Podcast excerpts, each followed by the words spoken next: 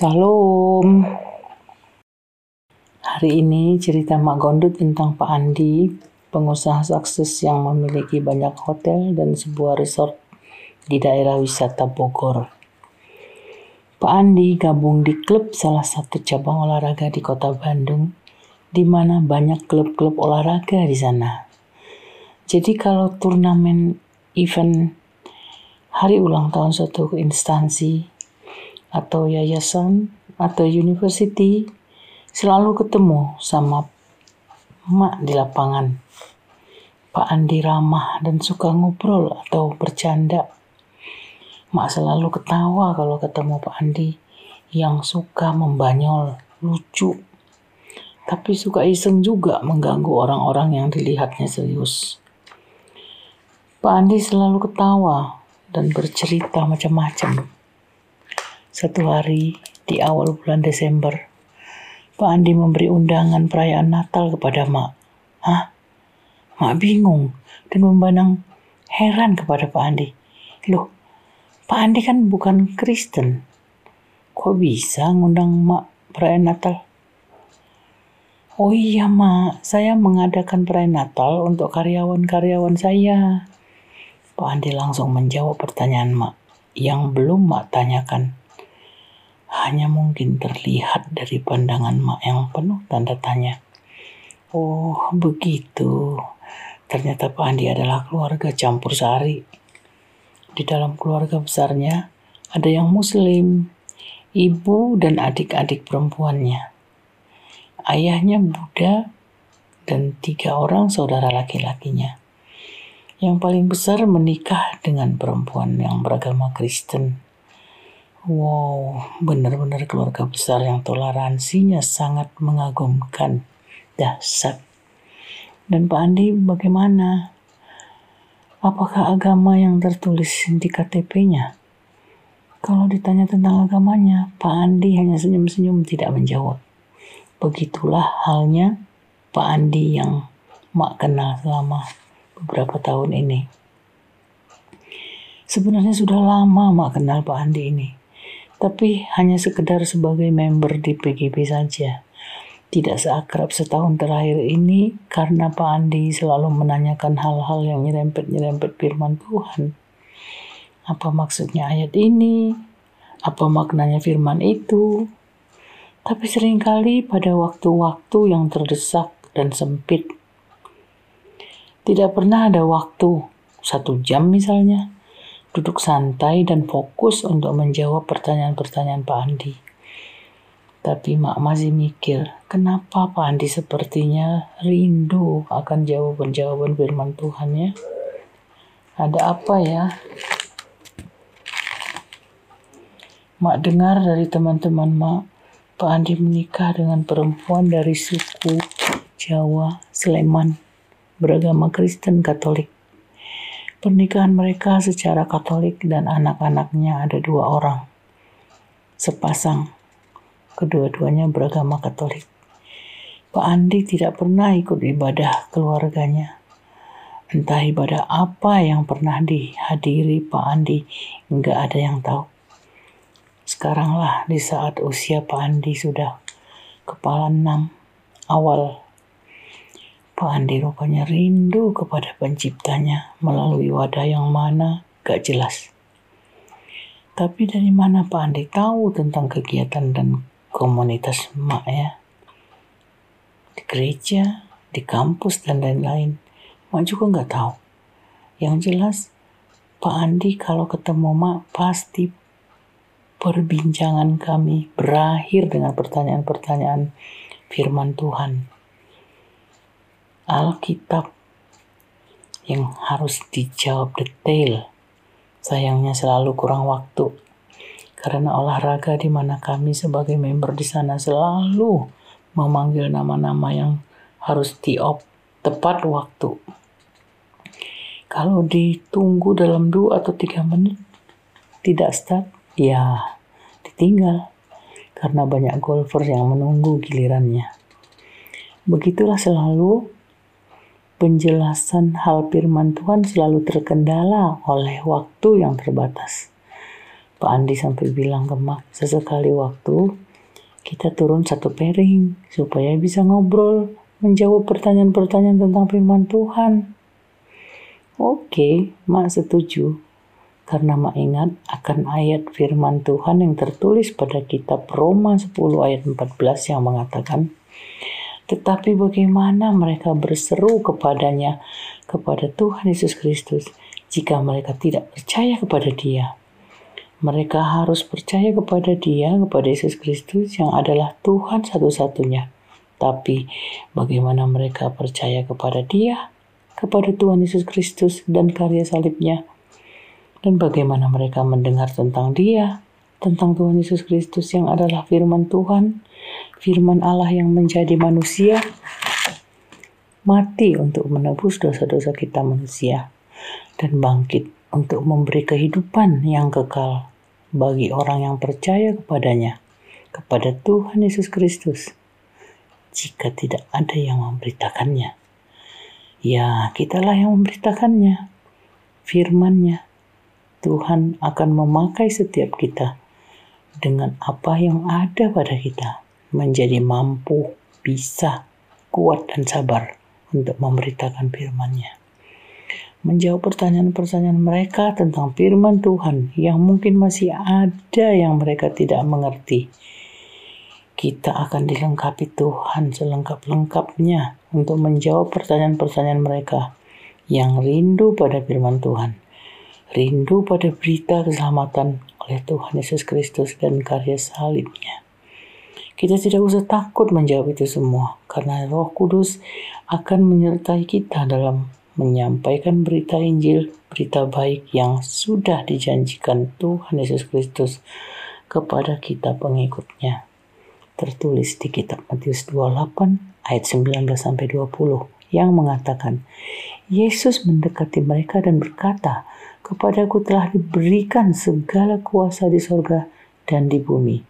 Karena itu pergilah, jadikanlah semua bangsa muridku dan baptislah mereka dalam nama Bapa dan Anak dan Roh Kudus dan ajarlah mereka melakukan segala sesuatu yang telah kuperintahkan kepadamu." Dan ketahuilah, aku menyertai kamu senantiasa sampai kepada akhir zaman. Immanuel. Ya, mak yakin sekali akan tuntunan dan kuasa Tuhan Yesus Kristus selalu menyertai kita dalam segala perkara, khususnya dalam memberitakan Injil. Ini undangannya. Tiba-tiba Pak Andi sudah berdiri di hadapan Mak. Mak terima undangan perayaan Natal dari Pak Andi yang dilaksanakan pada hari Senin tanggal 27 Desember jam 5 sore. Tempat di Hotel Pak Andi yang ada di daerah wisata Bogor. Acaranya sangat teratur, tertib, dan meriah. Hampir seribu orang hadir di sana. Pak Andi sekeluarga juga sudah ada. Anak mantu dan istrinya Mak senang sekali hadir di sana. Kami hanya sebagai undangan biasa. Dan setelah acara ibadah Natal dilanjutkan dengan acara hiburan lagu-lagu dan tarian bernuansa Natal sambil silaturahmi dan makan malam. Pada waktu pamit pulang, Mak bertanya apakah Pak Andi akan hadir pada acara turnamen golf di Dago dalam acara hari ulang tahun BRI yang akan diadakan hari Rabu besok lusa di op jam 7.30 loh. Pak Andi mengatakan, belum bisa dipastikan. Soalnya ada rapat yang harus dihadiri di Jakarta jam 10. Tepat hari Rabu itu. Kemungkinan tidak hadir, katanya.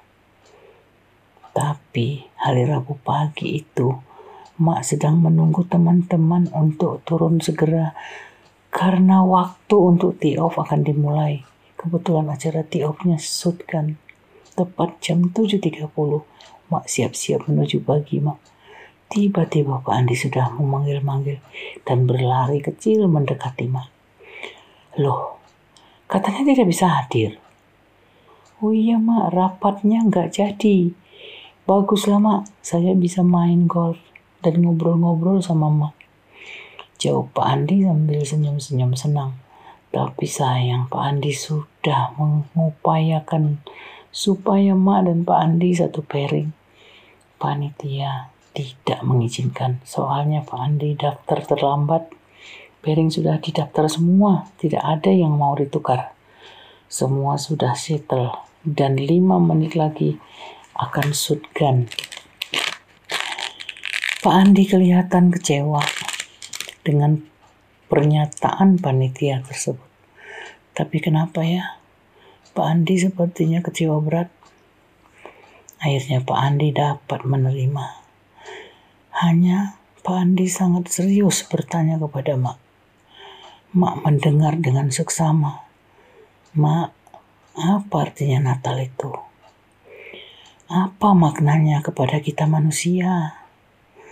Dan siapa Yesus Kristus itu? Mak kaget juga. Kok begitu seriusnya Pak Andi ini ya?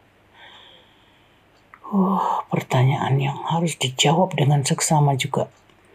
Tapi karena sudah giliran Mak yang di harus di off, Mak bilang ke Pak Andi, nanti acara pembagian hadiah dan lucky draw kita ngobrol ya. Ntar Mak jelaskan tuntas tas. Barulah Pak Andi agak santai menuju tiboknya untuk tee off. Ada dua hole di depan flight mak.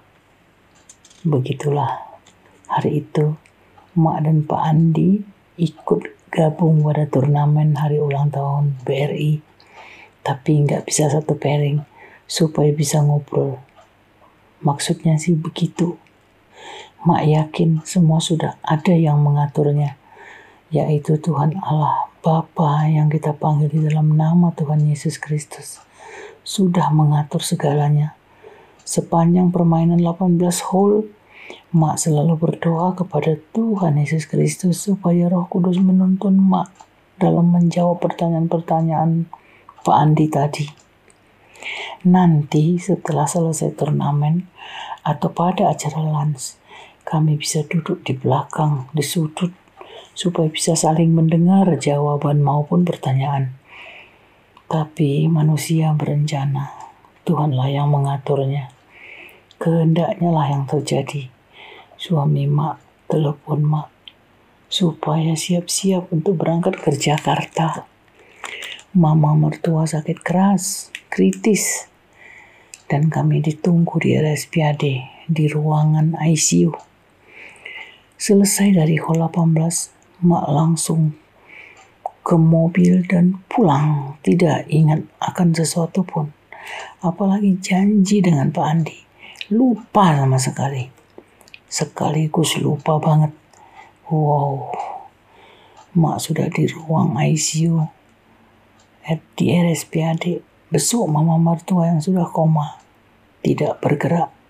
Tapi ngorok kuat yang penting sekarang, mak dan suami sudah ada di samping mama mertua yang terkasih.